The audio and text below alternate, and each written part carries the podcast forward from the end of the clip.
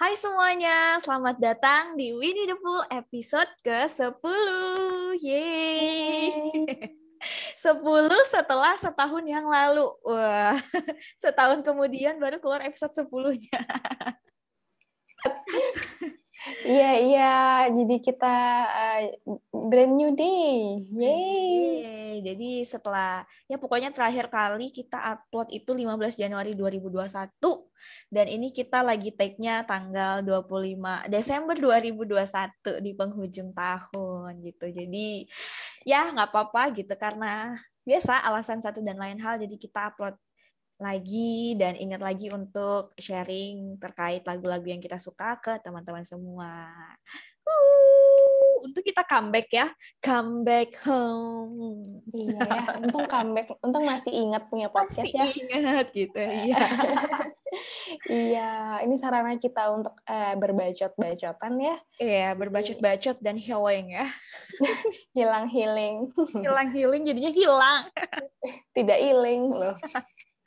Oke, jadi di podcast ini di Winnie the Pooh jelas ada aku dan Safa. Halo. Kayak baru buat halo semuanya, aku Fafa gitu. Malu ah, udah lanjut.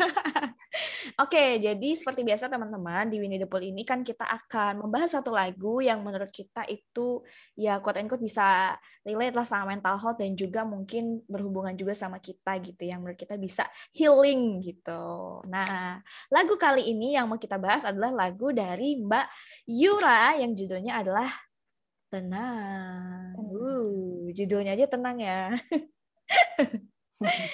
Oke, nah lagu ini itu boleh Pak diceritain kenapa pada akhirnya kita discover lagu ini nih? Hmm, kalau alasannya tuh sebetulnya karena nggak tahu deh, Winnie yang ngajakin. ya jelek banget explanationnya. Hmm, nggak apa-apa. Kita Tapi- real. Kita real ya.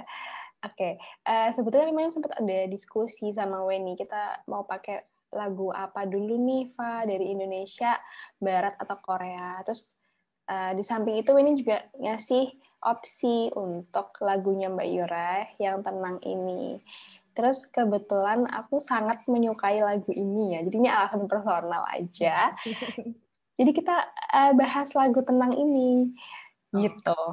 Oke, jadi memang Afafa suka dan sebenarnya aku juga suka gitu terkait lagu ini dan menurut kita why not kita kenapa enggak kita share ke kalian semua pendapat kita tentang lagu ini terus bagaimana kita menginterpretasikan lagunya Mbak Yura gitu karena beda orang kan beda cerita yang akan muncul mungkin Afafa fokusnya di mana aku fokusnya di mana tapi pada akhirnya adalah untuk membahas lagu tenang ini. Apa sih aku ngomong? Iya, betul.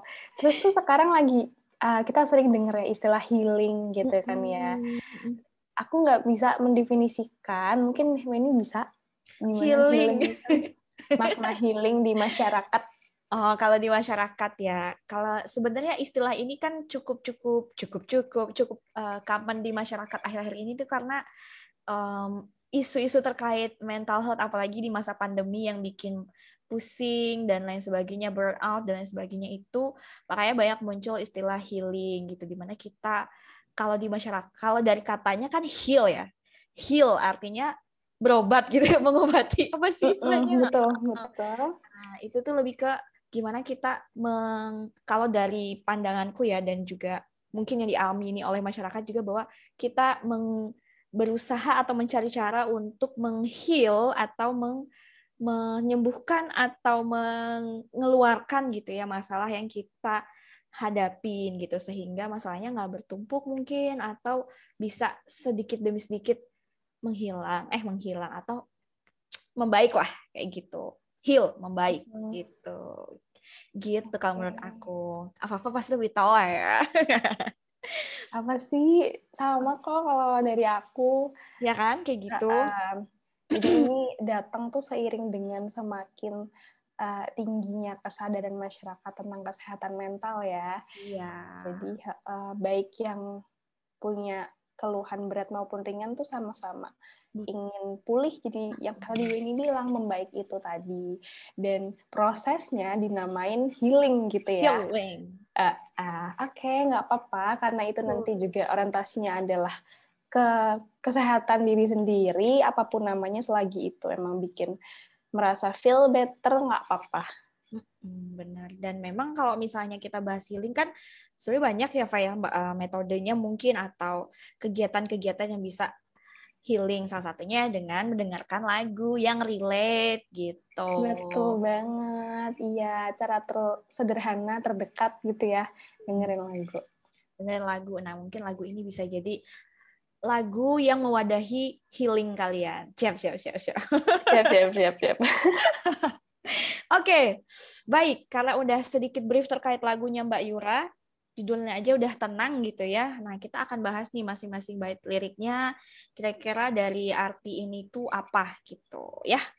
Atau iya. apa ada tambahan eksplanasi dulu nih terkait si lagunya Mbak Yura?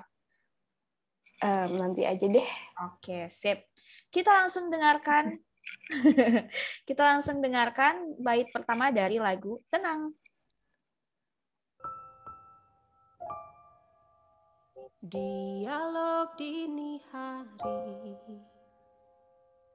kepada diriku sendiri tak bisa ku tertidur lagi melayang pikirku tak pasti Oke. Itu tadi lirik pertama. Jelas ya, Pak ya? Eh, jelas, ini kayak main kuis ya. jelas. jelas ya. Apa tadi pertanyaannya? kayak main kuis, kayak MC lu. Oke, nah aku bacain mungkin Afafa bisa kasih pendapatnya terkait bait pertama. Di bait pertama ini Mbak Yura bilang dialog dini hari kepada diri sendiri tak bisa ku tertidur lagi melayang pikirku tak pasti. Wis liriknya. Sangat kayak ini ya kayak puisi. Eh ya puisi lah I, belakangnya apa sih itu istilahnya? Kok aku lupa sih bahasa Indonesia? Pajaknya gitu. Jadi jadi mudah di jadi enak didengar ya lagunya. Coba Pak itu gimana tuh Pak tapi ini sotoy-sotoyan dong ya ya nggak apa-apa nanti Winnie juga tambahin gitu. Agak kaku ya aku sekarang. Oke. okay. Um, sebetulnya kalau aku nggak salah ingat dan kayaknya aku bener sih. Lagu ini tuh rilis waktu bulan puasa, tepatnya oh. tanggal 1 April 2021 oh. di YouTube. Nah, terus tuh uh, di sini ada kalimat dialog dini hari kepada diriku sendiri gitu kan. Mungkin kalau teman-teman yang muslim bisa mengasosiasikan ini dengan bangun sholat malam atau emang lebih spesifik lagi kayak uh, preparation untuk sahur gitu ya.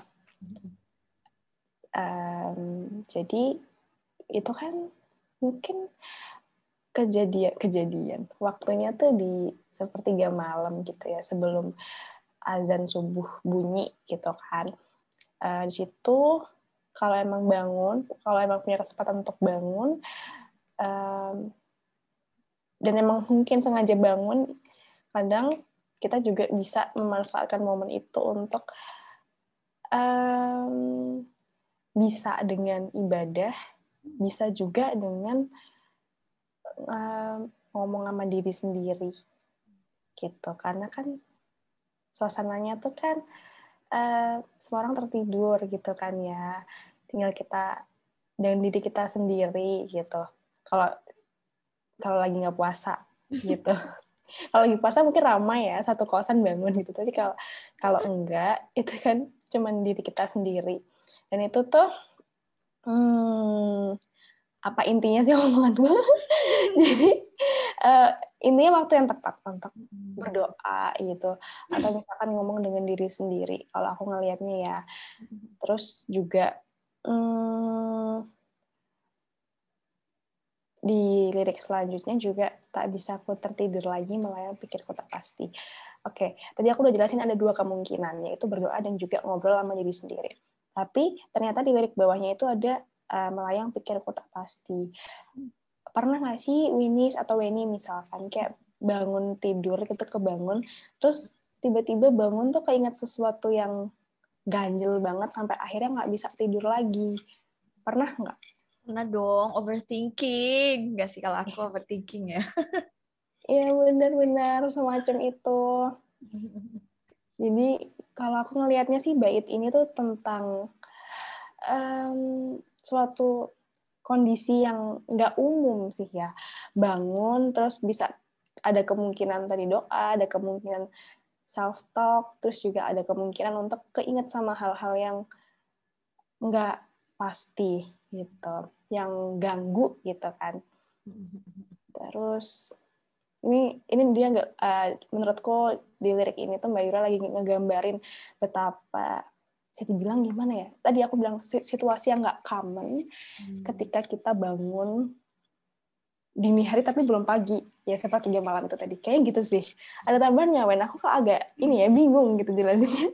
Tapi tapi ini so sih much information. Gimana? Enggak, enggak. Aku tergambar sih, maksudnya yang kamu jelasin. Oh, ternyata memang momennya juga momen pas puasa gitu. Aku baru tahu sih kalau misalnya ini um, uploadnya, uploadnya keluarnya pas puasa. Tapi kalau aku sebagai orang yang mendengarkannya setelah dia rilis gitu ya, maksudnya setelah puasa aku baru benar-benar dengerin lagu ini. Nah, menurutku tuh di bait pertama yang aku eh, bukan aku ya, lebih yang tergambar pertama kali jadi kan biasanya gini ya, eh, teman-teman pasti pernah kayak suatu lirik lagu sebenarnya nggak eksplisit bilang itu, cuma kalian kebawa ke feel, ke suasana atau tergambar ke suatu kondisi yang pernah terjadi ke kalian gitu. Nah, aku pengen gambarin nih yang pernah terjadi ke aku yang relate sama lirik lirik ini bagian ini gitu. Yang di sini kan dia bilang dialog dini hari kepada diriku sendiri. Nah, ini tuh kayak aku rasanya tuh gini, kayak aku minum kopi eh, malam-malam misalnya aku jam 8 ke coffee shop terus minum kopi nggak bisa tidur sampai jam kayak jam 1 sampai jam 2. Nah, di situ tuh masa-masa di mana aku tuh overthinking gitu loh. Everything aku pikirin, semua anxiety-ku tuh berkumpul di di waktu itu gitu. Nah, ketika denger lirik ini, aku langsung ke bawah flashback ke masa-masa itu rasanya gitu loh. Gitu. Nah, aku nggak bisa tidur gitu loh kayak aduh nggak bisa gitu karena pikiranku tuh menghayang banget kayak ke mana-mana gitu kayak semuanya tuh jadi jadi jadi apa ya jadi sumber stresorku gitu. Rasanya tuh kayak di karena minum kopi juga kali ya tapi itu rasanya kayak ses kayak deg-degan terus juga rasanya tuh kayak dikejar-kejar apa rasanya tuh kayak besok tuh hari tuh akan akan hancur gitu rasanya gitu loh rasanya gitu. Nah itu yang aku dapatkan dari lirik di bait pertama ini gitu. Dari feels yang aku dapetin ya gitu Pak huh, mengerikan ya enggak jadi kalau versinya Weni itu justru orangnya ini belum tidur ya tapi kayak pengaruh kafein bikin melek akhirnya justru malah ngarah ke nggak bisa tidur karena ke flashback ke flash flashback ama hal-hal di masa lalu. Hmm, dan heeh. benar-benar. Cuma kalau misalnya ini sih kalau misalnya nggak minum kopi pun aku kalau misalnya kelewat tidur jam 12 atau sampai jam 1 gitu ya ya emang Mhm. waktu-waktu itu tuh waktu-waktu waktu Indonesia bagian overthinking gitu loh. Jadi pasti kayak hal-hal yang aduh hal-hal yang sebenarnya jadi nggak penting bukan nggak penting ya lagi harusnya nggak terfikirkan terfikirkan gitu. Nah dan pasti ada sih orang-orang aku ngerasa teman-teman di luar sana juga pernah ngalamin yang kayak gitu tiba-tiba kepikiran atau tiba-tiba jadi apa gitu. Nah itu sih. Maksudnya aku ngelihat Yura tuh pengen menggambarkan kondisi itu gitu. Kondisi di mana kita kita kita lagi overthinking di malam hari yang menjelang subuh itulah. Gitu. Tadam. Hmm. eh kamu mau nyanyi gak apa-apa. Enggak enggak agak emang tadam gitu. Lagu aku tuh punya backsound ini loh backsound kalau misalnya abis ngomong terus kayak tadam gitu. Kayak nunjukin oh. omonganku abis. Nanti tambahin ya. Iya. Oke. Ya, ya ya berarti tadi pokoknya bait pertama ini nyeritain tentang setting eh, lagu ini dinyanyikan gitu ya? Mm-mm, benar. Hmm, oke sip kita next ke bagian kedua. Dialog dini hari Resah gelisah mengiringi Berharap ada yang mengerti Berharap kau ada di sini Oke. Ini nih bait kedua, Mbak Yura bilang dialog dini hari resah gelisah mengiringi berharap ada yang mengerti, berharap kau ada di sini. Nah, ini udah beda ini ya, maksudnya kayaknya udah beda setting nih. Gimana nih, Pak, menurut kamu dari bait ini? uh, uh, uh, nyambung sama yang tadi Weni bilang gitu ada istilah Indonesia bagian overthinking. uh, uh, uh, mungkin ini bentuk dari estetikanya ya untuk menggambarkan Indonesia bikin overthinking dibikin dari kayak gini. Resah gelisah mengeringi berharap ada yang mengerti berharap kau ada di sini. Um, sebetulnya tuh kadang kalau kita ngerasa lagi overthinking itu sebenarnya cuma butuh ada yang siap untuk dengerin kita aja gitu kali ya. Makanya dia berharap ada yang ngerti gitu. Uh, mengerti itu nggak harus dengan kasih saran atau nggak harus dengan merefleksikan pikiran kita tuh kayak gimana tapi cukup ada yang nerima kita tanpa syarat aja. Di saat kita emang lagi anjir nih tengah malam udah mau pagi malah ngerasa kayak gini gitu.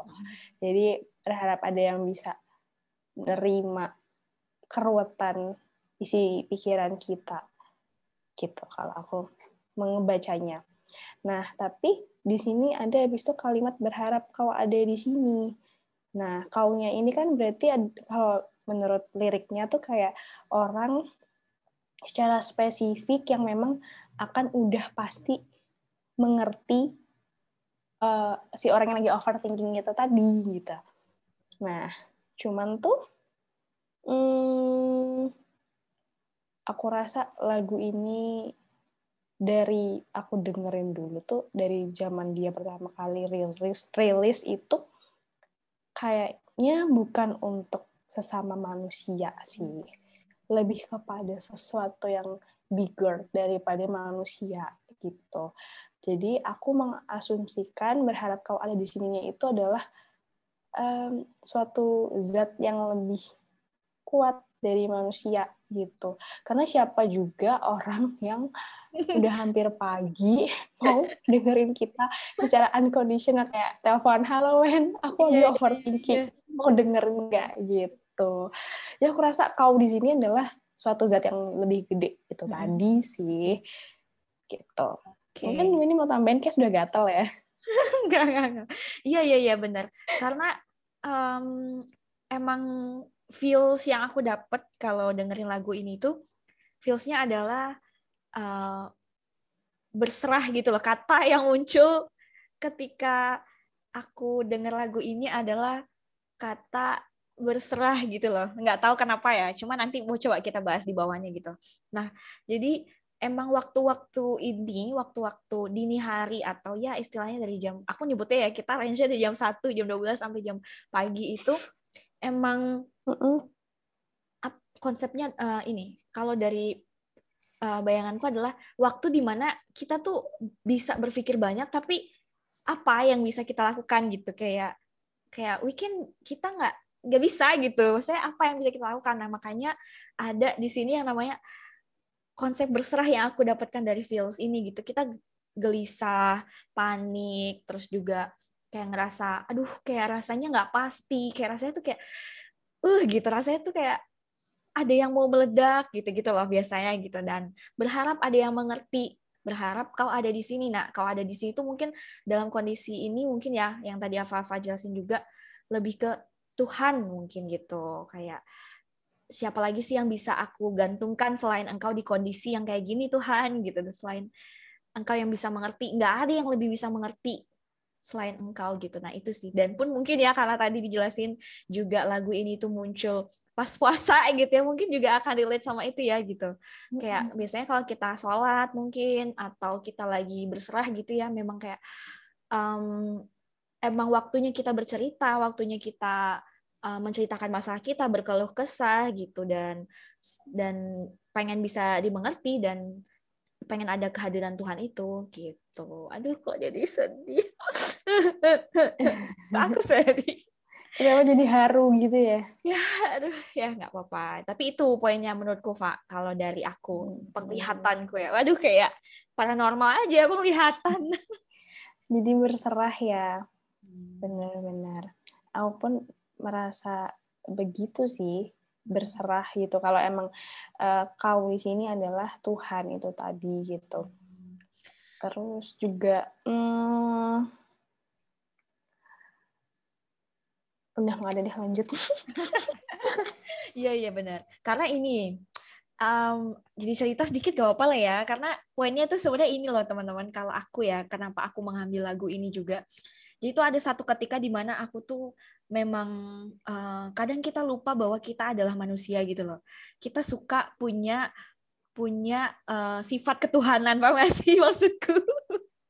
sifat ketuhanan yang aku maksud itu adalah kayak kita lupa bahwa kita adalah manusia yang sebenarnya ada hal yang lebih kuat yang bisa mengatur kita yang bisa kita menggantungkan gitu. Kita lupa bahwa itu ada.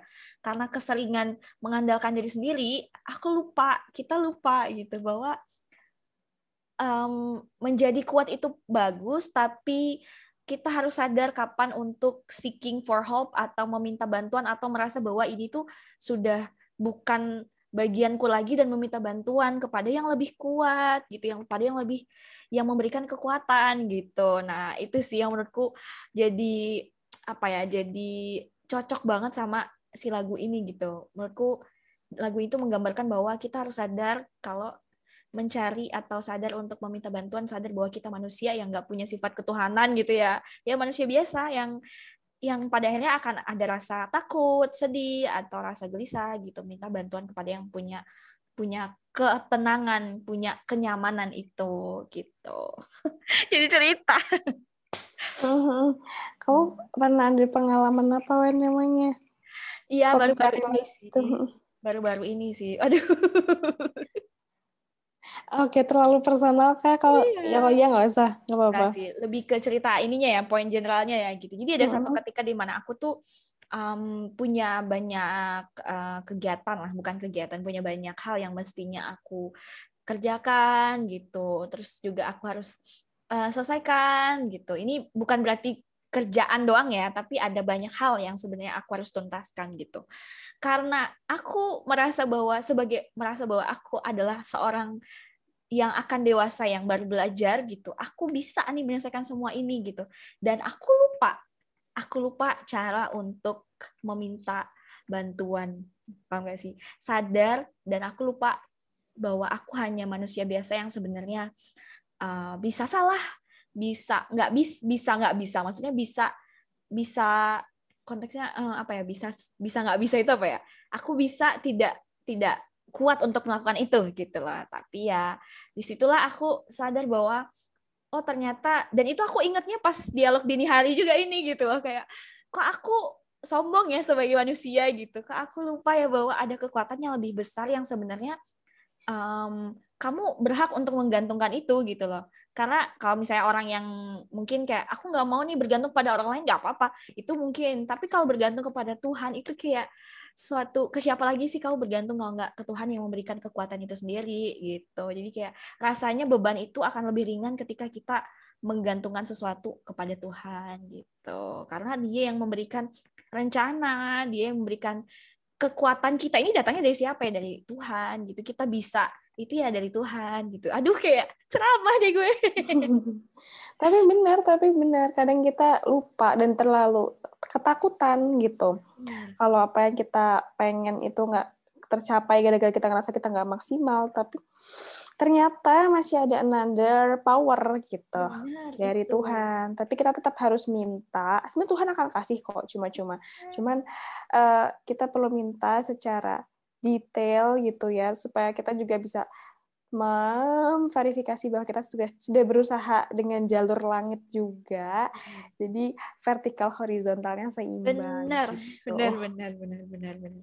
That's what I want to say gitu. Iya. Okay. Gitu. Itulah pokoknya ya, teman-teman. Kita next dulu. Kepanjangan di bagian ini ceritanya. Oke, okay, kita next.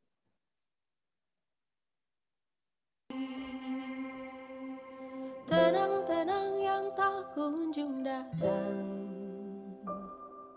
Menanti-nanti cahayamu beri aku petunjukmu Tenang-tenang oh datanglah tenang hari ini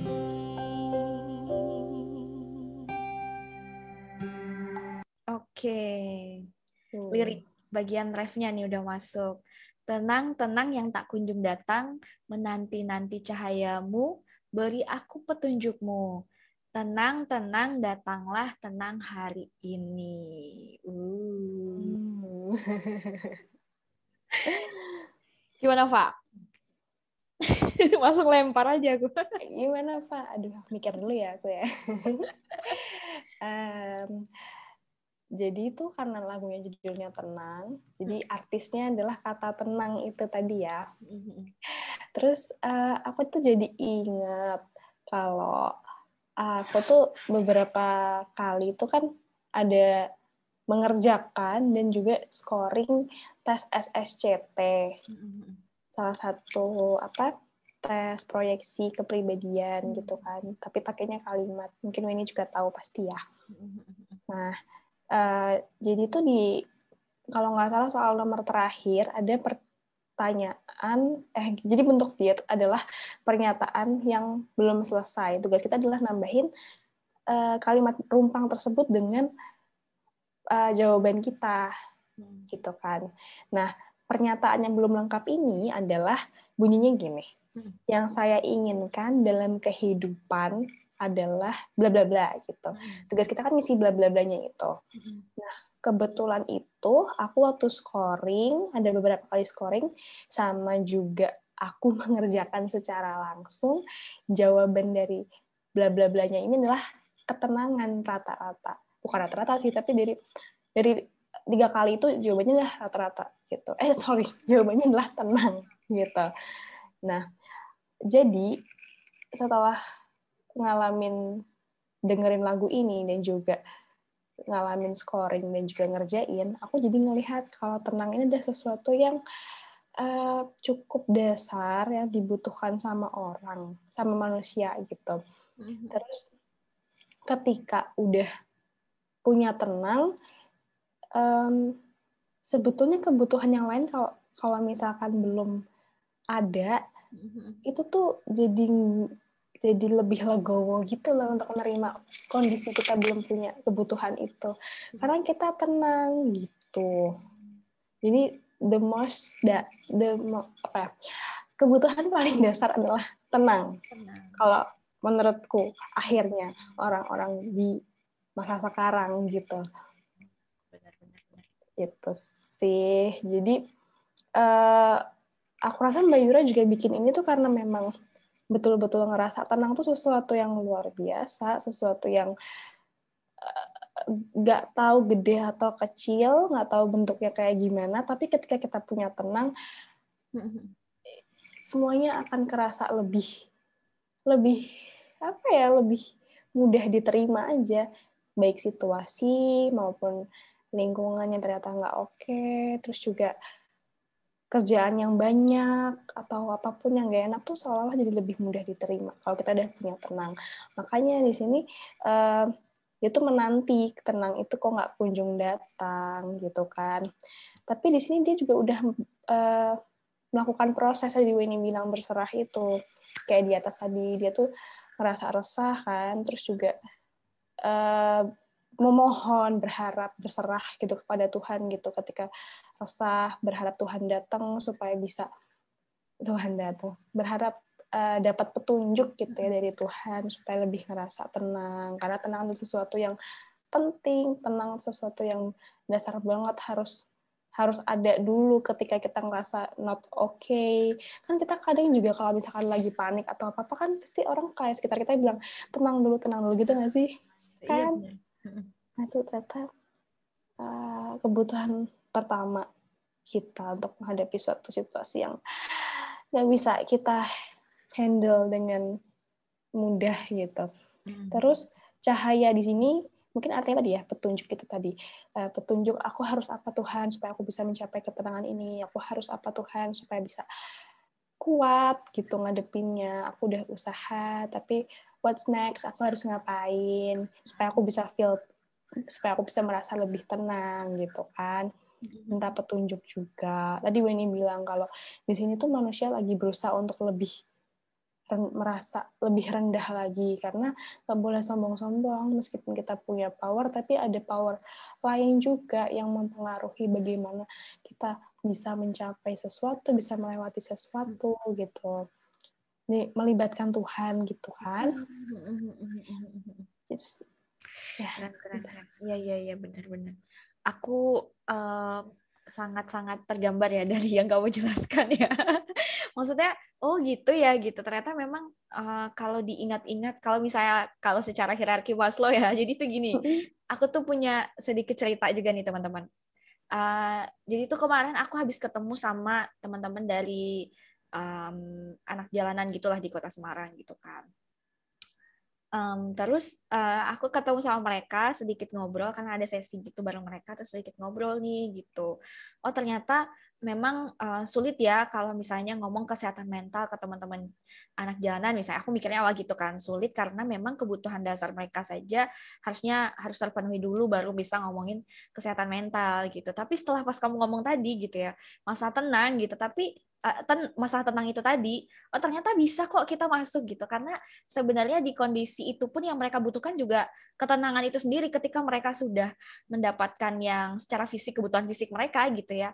Yang muncul kan si tenang itu sebenarnya gitu ketenangan ketika mereka sudah mendapatkan itu. Sehingga mereka tetap bisa uh, melanjutkan hidup mereka. Kadang kan kita pikir aduh gimana ya mereka bisa hidup? gitu. Tapi mereka tetap bisa growing aja mereka bisa menjalani hidup mereka dengan baik gitu. Ternyata poinnya itu ya sebenarnya. Aku jadi kayak wah ternyata tenang itu ya kebutuhan mendasar secara apa ya nyebutnya ya ya kebutuhan mendasar yang sebenarnya harus terpenuhi dulu untuk bisa next next ke selanjutnya gitu karena tadi contohnya kayak lagi panik, tenang dulu, abis kecelakaan, tenang dulu, abis apa, tenang dulu, tenang dulu gitu. Sehingga kalau kita tenang kan dalam mengambil keputusan juga akan lebih baik sebenarnya gitu. Jadi uh, ya aku jadi uh, refleksi juga gitu lah terhadap kejadian yang terjadi kemarin gitu. Karena jujur kemarin aku jadi kayak mikir, aduh kalau ngomongin kesehatan mental sama teman-teman ini sulit nggak ya gitu. Tapi ternyata tuh aku pikir tuh ya hierarkinya kesehatan mental itu fisik dulu baru mental gitu. Padahal sebenarnya nggak gitu juga gitu loh.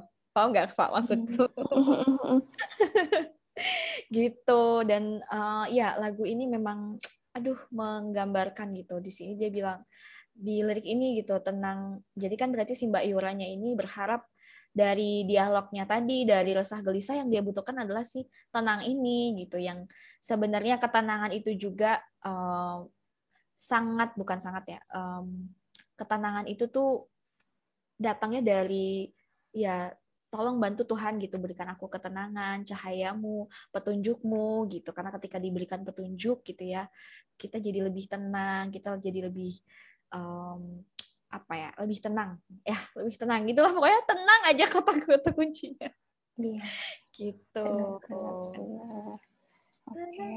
Yes, yes, yes, yes. Berarti kebutuhan dasar ya, banyak kebutuhan mendasar dan tenang itu tuh bisa dicapai sama sama sama orang yang gimana menurut kamu?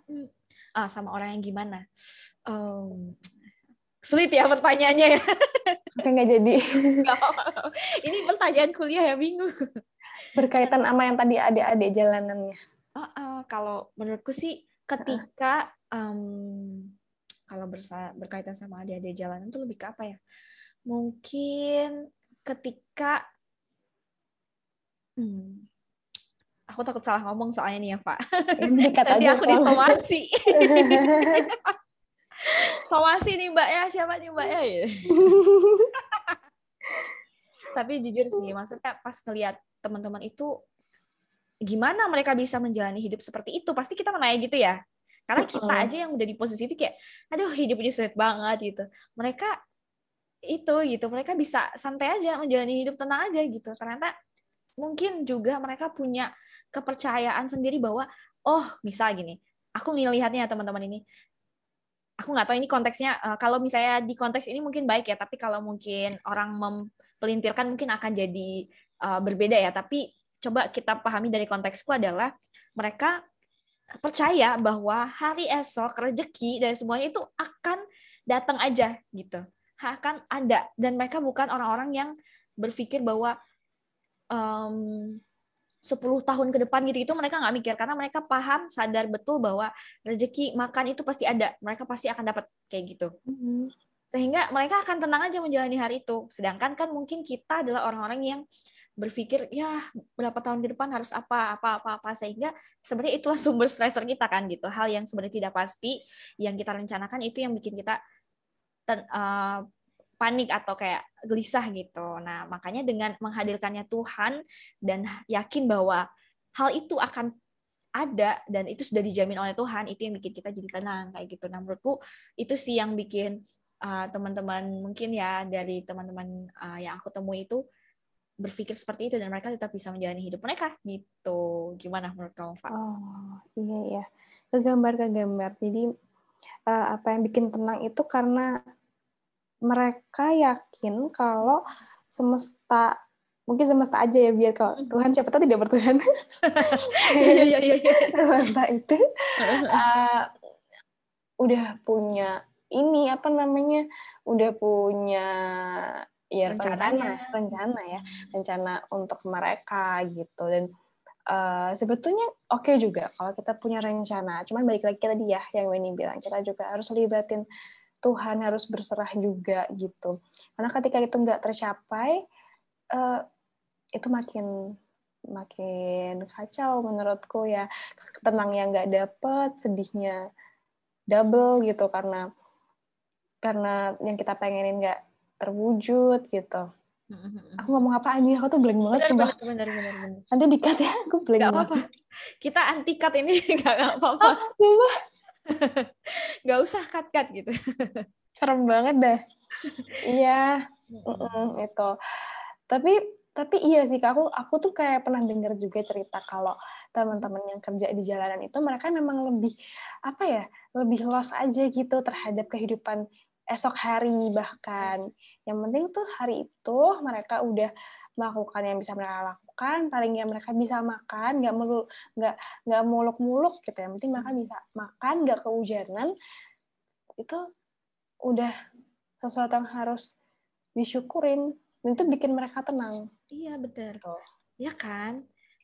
Benar. Karena mereka ya baik lagi ya tadi jangan dipelintir ya konteksnya. Konteksnya ini ya teman-teman ya. Aku takut loh.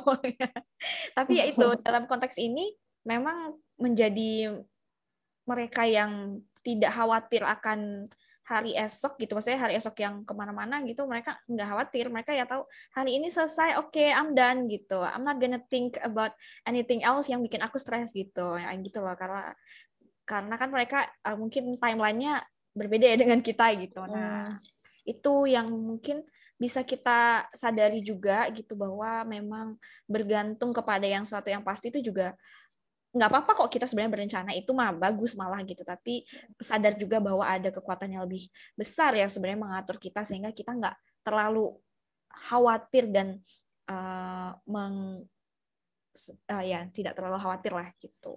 Karena kan sebenarnya bikin nggak tenang kan kekhawatiran itu sendiri ya kayak khawatir apa apa apa gitu. Hmm, benar, benar. Hmm, mungkin konkretnya itu kita bisa bagi-bagi urusan hidup ini dengan uh, hal yang bisa dikontrol dan tidak bisa dikontrol. Benar, iya, iya, iya. Nah, kita bakal ngerasa tenang kalau apa nih, kalau misalkan yang bisa dikontrol, uh, dilakukan semua, atau atau gimana. Jadi kita juga sebetulnya punya kendali untuk menentukan definisi tenang kita. Kita Hmm. nggak sih? benar benar benar benar ya ini ini butuh waktu sih sebetulnya kayak harus berkontemplasi gitu iya iya tapi ini life hack sih. Kalau emang pengen stresnya agak berkurang tentuin hal yang bisa dikontrol dan yang tidak. Terus definisi tenang itu menurut kita gimana? Kondisi gimana kita bisa menyatakan diri kita udah tenang aja? Itu kali ya. Benar benar benar benar. Dan itu mungkin nggak semua orang punya skills itu ya. Cuma cuma coba dikategorin aja mana-mana yang sebenarnya itu di luar kuasa kamu dan di dalam kuasa kamu gitu. Kuasa. Kayak punya kuasa aja maksudnya di dalam kontrol kita gitu loh.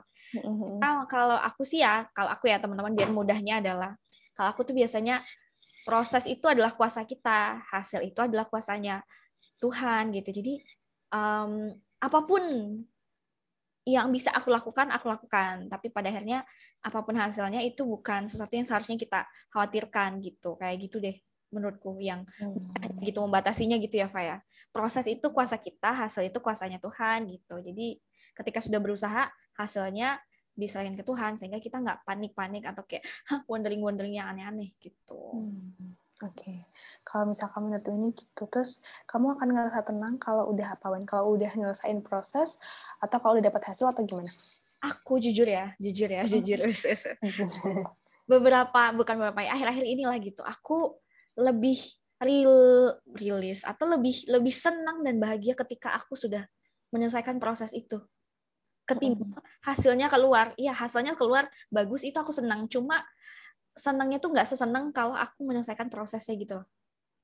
Hmm, kayak rasanya tuh apa ya kayak em, jadi ada satu kegiatan gitu yang aku lakukan yang hasilnya itu setelah eh, seta- sebulanan eh beberapa minggu setelah keluarnya setelah aku berusaha gitu.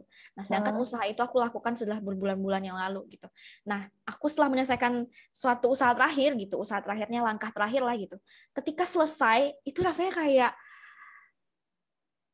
wow gitu kayak aku sudah menyelesaikan ini gila keren banget sih lo kan gitu kayak udah hasilnya udah nggak usah mikir aku nggak mikir hasilnya banget kayak ya udah hasilnya terserah lah mau apa apa apa gitu tapi hmm, aku sudah melaksanakan proses itu rasanya kayak wah inilah hal yang aku kerjakan aku yang uh, usahakan udah segitu gitu. Tapi hasilnya aku nggak yang terlalu khawatir gitu karena aku tahu yang aku rayakan adalah prosesnya gitu. Lebih ke ketika aku merayakan sesuatu tuh aku merayakan prosesnya gitu.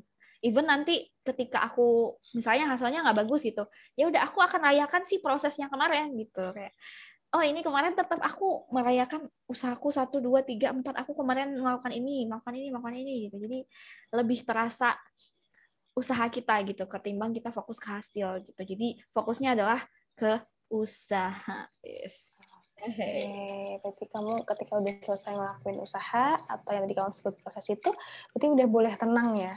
Menurutku itu Hmm. karena Karena kadang gitu. kita ya kadang kita yaitu meng, mengambil sifat ketuhanan gitu wondering hal-hal yang nggak pasti gitu yang bikin kita ya itu sebenarnya bukan kapasitas kita gitu. Sadar itu bukan kapasitas kita yang kita bisa lakukan ya sampai proses. Hasilnya bukan bukan di luar intinya di luar kuasa kita. Jadi ya jangan memikirkan hal yang di luar kuasa kita. Kamu nanti stres gitu kamu pusing karena Hmm. bukan kapasitas kamu gitu. Jangan nyusahin diri deh gitulah pokoknya Oke, berarti sebetulnya itu ada hitung-hitungannya ya supaya kita nggak stres dan lebih tenang ya. Hmm. Yang tadi itu terus juga pentingnya berserah gitu kayak. berserah itu penting banget.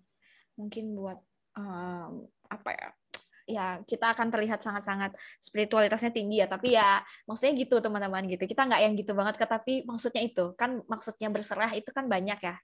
Mm-mm. Bisa berupa di dalam ritual apa apa apa. Mungkin kalau misalnya muslim ya sholat, kalau apa ya apa gitu. Jadi maksudnya itu berserah aja gitu, nggak mesti dalam ritual tertentu gitu ya, tapi Hmm. sadar bahwa kita adalah manusia jangan sombong anda gitu Biarkanlah semesta bekerja ya. iya aduh ada lagu lagi nanti udah ya Ah ya pusing juga kita bahas lagi lagi banyak. Tapi iya. Dan Mm-mm. Aku ngerasain ah tambahan lagi bacot banget nih orang satu. Aku tuh belajar juga sih kalau semakin gede itu kita semakin tahu kapan kita harus berhenti gitu. Kayak tadi Weni bilang kalau Weni udah bisa memisahkan mana yang dikontrol, mana yang enggak. Berarti Weni tahu kapan Weni harus berhenti untuk mm, mengeluarkan energi lebih untuk berpikir nih Mm-mm. yang nggak pasti. Weni udah bisa ngelakuin Aduh. itu, udah tahu kapan harus berhenti. Oh, udah selesai nih prosesnya, berarti oke, udah ini adalah gantian Tuhan yang bekerja. Udah, berarti Weni tahu kapan berhentinya. Tapi ya udah itu proses sih sebetulnya maksudnya tidak ada patokan kita umur berapa harus bisa gitu cuman kayak nanti pelan-pelan akan sadar sendiri kapan kita harus berhenti kapan harus gas lagi gitu Hmm. mantap ngomong apa dah gue tapi benar-benar aku soalnya gini eh, lagi ngomong lagi kan aku. Nggak apa karena liriknya hampir sama ya ke bawah jadi kita mau fokus di sini gitu di tenangnya.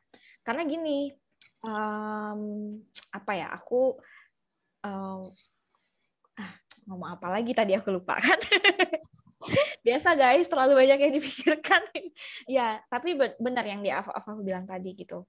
Um, emang mungkin aku sudah pernah mengalami masa itu tapi bukan berarti standar kalian adalah oh harus segini nih aku udah bisa ini. Enggak juga. Pun juga nanti mungkin suatu ketika aku juga yang nama manusia ya pasti ada hilafnya gitu. Kayak oh lupa kadang-kadang lupa kadang-kadang ini ya. Makanya perlu juga untuk uh, beroverthinking juga untuk buat kita refleksi lagi. Yang penting tuh manusia jangan berhenti untuk refleksi bahwa kalau aku mikirnya refleksi itu kamu stop gitu kayak kayak pause sebentar and then reflect yourself apa nih uh. yang terjadi gitu kayak kembali lagi ke realita oh aku panik nih gitu kayak oh god gue panik gitu panik oke okay, kenapa paniknya gitu jadi kayak hmm. pikir kayak oh paniknya karena ini nih gitu oh ini tuh sebenarnya misal paniknya karena uh, ininya nggak pasti gitu oh nggak pasti ini sebenarnya bisa aku uraikan nggak oh bisa kontrol nggak oh ternyata aku bisa bisa kontrol di tahap ini selanjutnya hasilnya adalah ini gitu adalah kuasanya Tuhan gitu jadi refleksi sambil ketika sudah refleksi kita berserah oh ternyata ada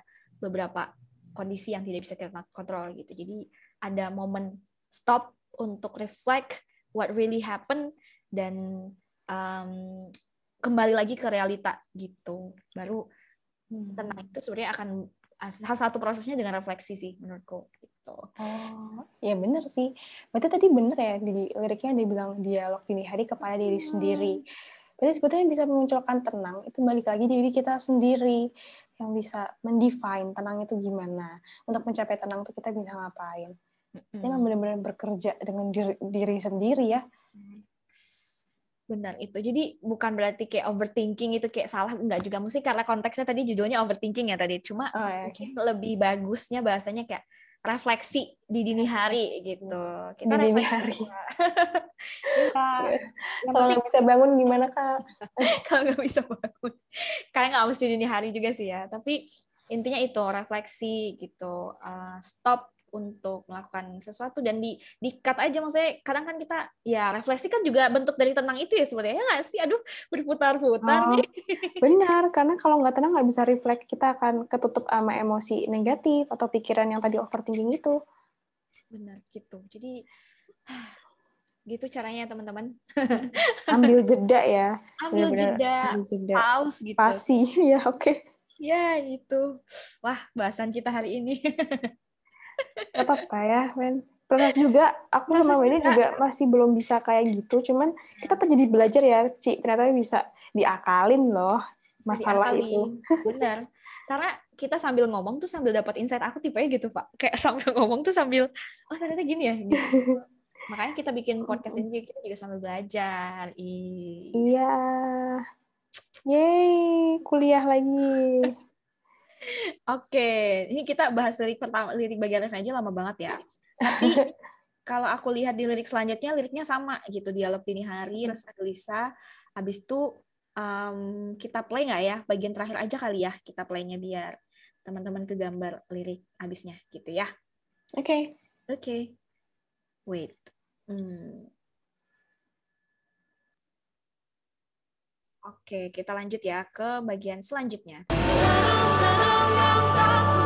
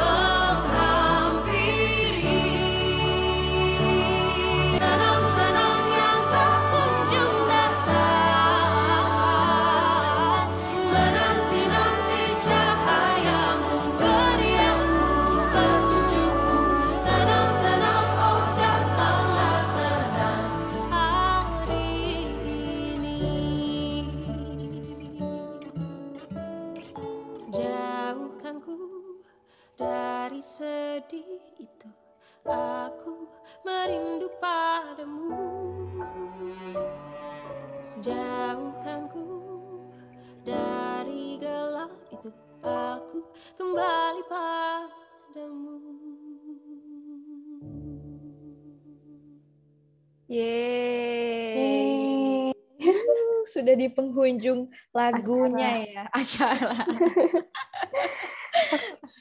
Oke, jadi memang kalau liriknya Mbak Yura tadi kan gitu ya, tadi ada beberapa lirik yang diulang, jadi kayaknya kita nggak perlu interpretasi lagi gitu. Cuma bagian akhir tadi gitu, pas refnya tenang-tenang yang tak kunjung datang, menanti cahayamu, aku beri beri aku petunjukmu, kadang kelam ini datang menghampiri, kemudian uh, datanglah tenang hari ini, baru ke bagian terakhirnya apa ya istilahnya kalau dalam lagu.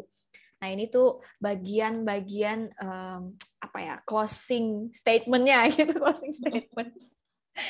Nah liriknya adalah jauhkanku dari sedih itu, aku merindu padamu. Jauhkanku dari gelap itu, aku kembali padamu. Wah. Oke, dari ini aku udah kegambar nih mau ngomong apa. Cuma kita dengar dulu dari Afafa gimana nih, Pak? Aduh, nggak enak nih mendahului. um, kalau aku baca lagi liriknya, membaca ya, ini uh, baru di bagian di mana benar-benar menunjukkan kalau uh, tokoh yang tadi berdialog dengan diri sendiri di, tokoh tokoh dalam lagu ini tuh mulai menunjukkan kalau dia sedang berserah. Mm-hmm. gitu. Jauhkanku dari sedih itu. Kayak um, aku ngeliatnya benar-benar apa ya dia menyerahkan semua akhirnya gitu ya akhirnya menyerahkan semua kendali atas kesedihan itu kepada si zat yang lebih gede daripada manusia ini tuh tadi. Kayak tolong jauhkan aku sudah tidak sanggup lagi dengan kesedihan ini. Jadi angkat tangan gitu. angkat tangan bener kayak udah sanggup. Jadi mm, bener-bener kembali kepada si zat ini tadi gitu Tuhan ya. Hmm. aku kembali padamu gitu. Terus dia juga bilang kalau rindu. Terus juga jauhkan aku dari gelap. Karena eh, nggak uh, tahu ya kalau uh, ini ini berkaitan sama agama sih. Aku pernah hmm. dengar katanya kalau kita uh, lagi banyak hal yang dipikirin hmm. itu karena Tuhan itu kangen sama kita, kangen kangen dicurhatin, kangen disambatin kayak gitu. Hmm. Sedih. Tuhan pengen dengar kita berkeluh kesah lagi, makanya dikasih ujian. It's why ujian itu selalu dibilang kayak gak ada ujian yang lebih kemampuan kita. Ya karena tujuannya cuma Tuhan tuh cuma kangen gitu, bukan bukan cuma sih, karena kangen makanya digituin gitu. Bukan karena pengen jahat sama kita, tapi kayak rindu gitu sama hambanya hmm. terus ya di sini mbak Mbak Yura. Di sini tokohnya itu juga punya kesadaran atas rasa rindu itu juga. Jadi nggak cuma Tuhannya rindu sendiri, tapi juga uh, tokohnya juga rindu gitu. Kayak pengen lagi bisa bisa hidup tenang dengan berserah dikit-dikit sambat tapi ke Tuhan gitu. Hmm. Gitu. Terus juga jauhkanku dari gelap itu.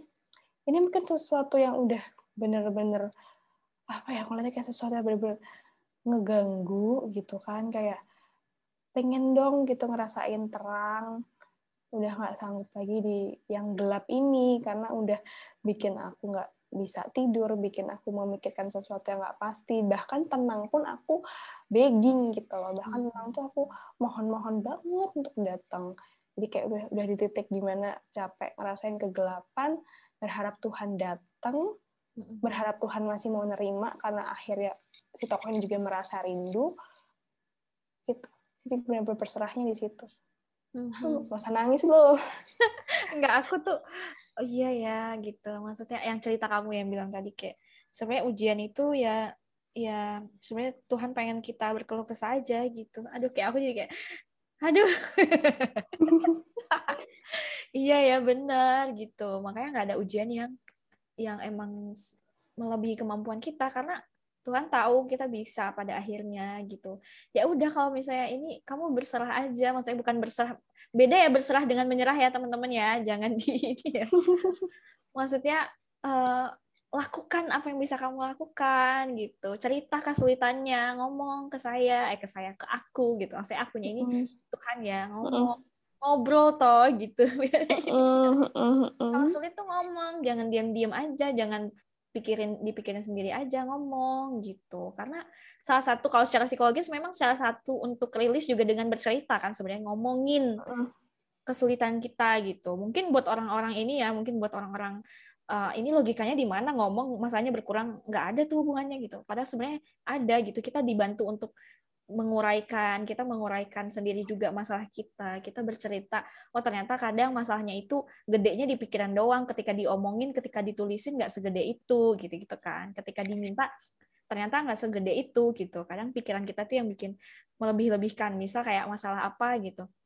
Aku pernah panik gitu kan panik terus kayak anjir kok panik banget terus ketika ditulisin tuh kayak cuma gila kepanikan gue cuma dua hal ini kenapa rasanya tuh kayak gede banget gitu. Gitu ditulisin atau diomongin ternyata tuh nggak segede itu gitu loh. Jadi cara-cara seperti itulah yang sebenarnya membantu kita gitu ngobrol ke Tuhan bilang gitu berserah gitu kayak ah, berserah aja gitu. Aduh. Ya ya ya. Aku jadi refleksi loh jadi refleksi juga loh. Benar benar benar Hmm, berarti tenang itu bisa dicapai dengan tadi ya Wen kalau dari psikologi adalah bisa cerita, bisa juga nulis hmm. gitu kan. Sebenarnya tenang itu tuh ada di, di diri kita sendiri ya. Actually. Actually. Hmm, Oke. Okay. Tapi ya balik lagi uh, semesta ini bekerja gitu. Kita tidak satu-satunya power. Benar yang bekerja kita juga harus tadi itu berserah. Terus juga kayak uh, jangan overthinking sendirian. Ada Tuhan ada temen. Coba diuraikan ke situ dulu gitu. Benar iya. benar itu tapi emang ini not easy sih apalagi mengakui Bener. kita not okay terus kita bilang ke orang itu kan menunjukkan kelemahan ya. Ih, bener banget. That's kenapa aku sulit untuk mengakui itu. Hmm. Uh, ya benar. Okay, okay. Karena gini, um, mengerti kapan harus berhenti, mengerti kapan harus minta tolong, itu tuh sebuah skills juga. uh -uh. Kayak baik itu di kerjaan, baik itu di pertemanan, mengerti kapan harus bilang enggak, mengerti kapan harus mengerti, mengerti kapan harus harus harus meminta ini dan lain sebagainya itu sebuah skill yang sebenarnya harus kita sadari bahwa ada hal yang memang tidak bisa kita atur semua gitu. Ya gitu deh kayak hmm. kembali lagi ke sifat kemanusiaan kita dan sadar bahwa ada Tuhan, ada kekuatan yang lebih besar. Ya, gitu. Sebenarnya itu sih wah gitu deh pokoknya aku kayak iya benar gitu Iya sih Mbak Yura kalian lagunya. iya, karena itu ada di diri kita sendiri, makanya kita kayak ya gitu gitu kan. Iya gitu gitu kan, iya benar. kita tuh tahu, tapi emang untuk menerapinya not easy gitu memang. Sebenarnya kita tahu, tapi nggak mau tahu, paham nggak sih? Maksudnya nggak mau mengakui gitu loh. Nggak mau mengakui, betul. Ego kita gitu, gitu-gitu kan ya gitulah. Ya setidaknya kita sampai di kognitif dulu ya tahu ya kalau oh caranya gini oh gini cara mainnya gitu. Yang penting aware dulu sadar loh sadar loh sadar dulu lah. Sadar loh. karena level pertama kali yang harus dilewati ya sebelum merubah perilaku ya sadar dulu. Eh ini aku orangnya behavior banget ya. Boleh. Boleh kok boleh ya nanti kamu di itu lima pro pendidikan bakal banyak bahas behavior deh proses belajar iya proses belajar itu harus sadar dulu ya teman-teman kan ini proses belajar oke okay. oke okay. gitu It's nah. It's a wrap. Yeay. ya Allah, Cici aku ngeblank. Gak apa-apa. Kita tutup dulu kali ya, Fa ya. Dengan doa ya. Oke. Okay. Oke, terima kasih buat teman-teman yang sudah dengerin Widi Dupul episode ke-10 ini. Kalau kalian ngerasa bahwa ini uh, bagus, jangan lupa follow podcastnya kita, gitu kan. Bisa dengerin di Spotify atau di Apple Podcast. Dan uh, sampai ketemu lagi di episode selanjutnya. Bye-bye.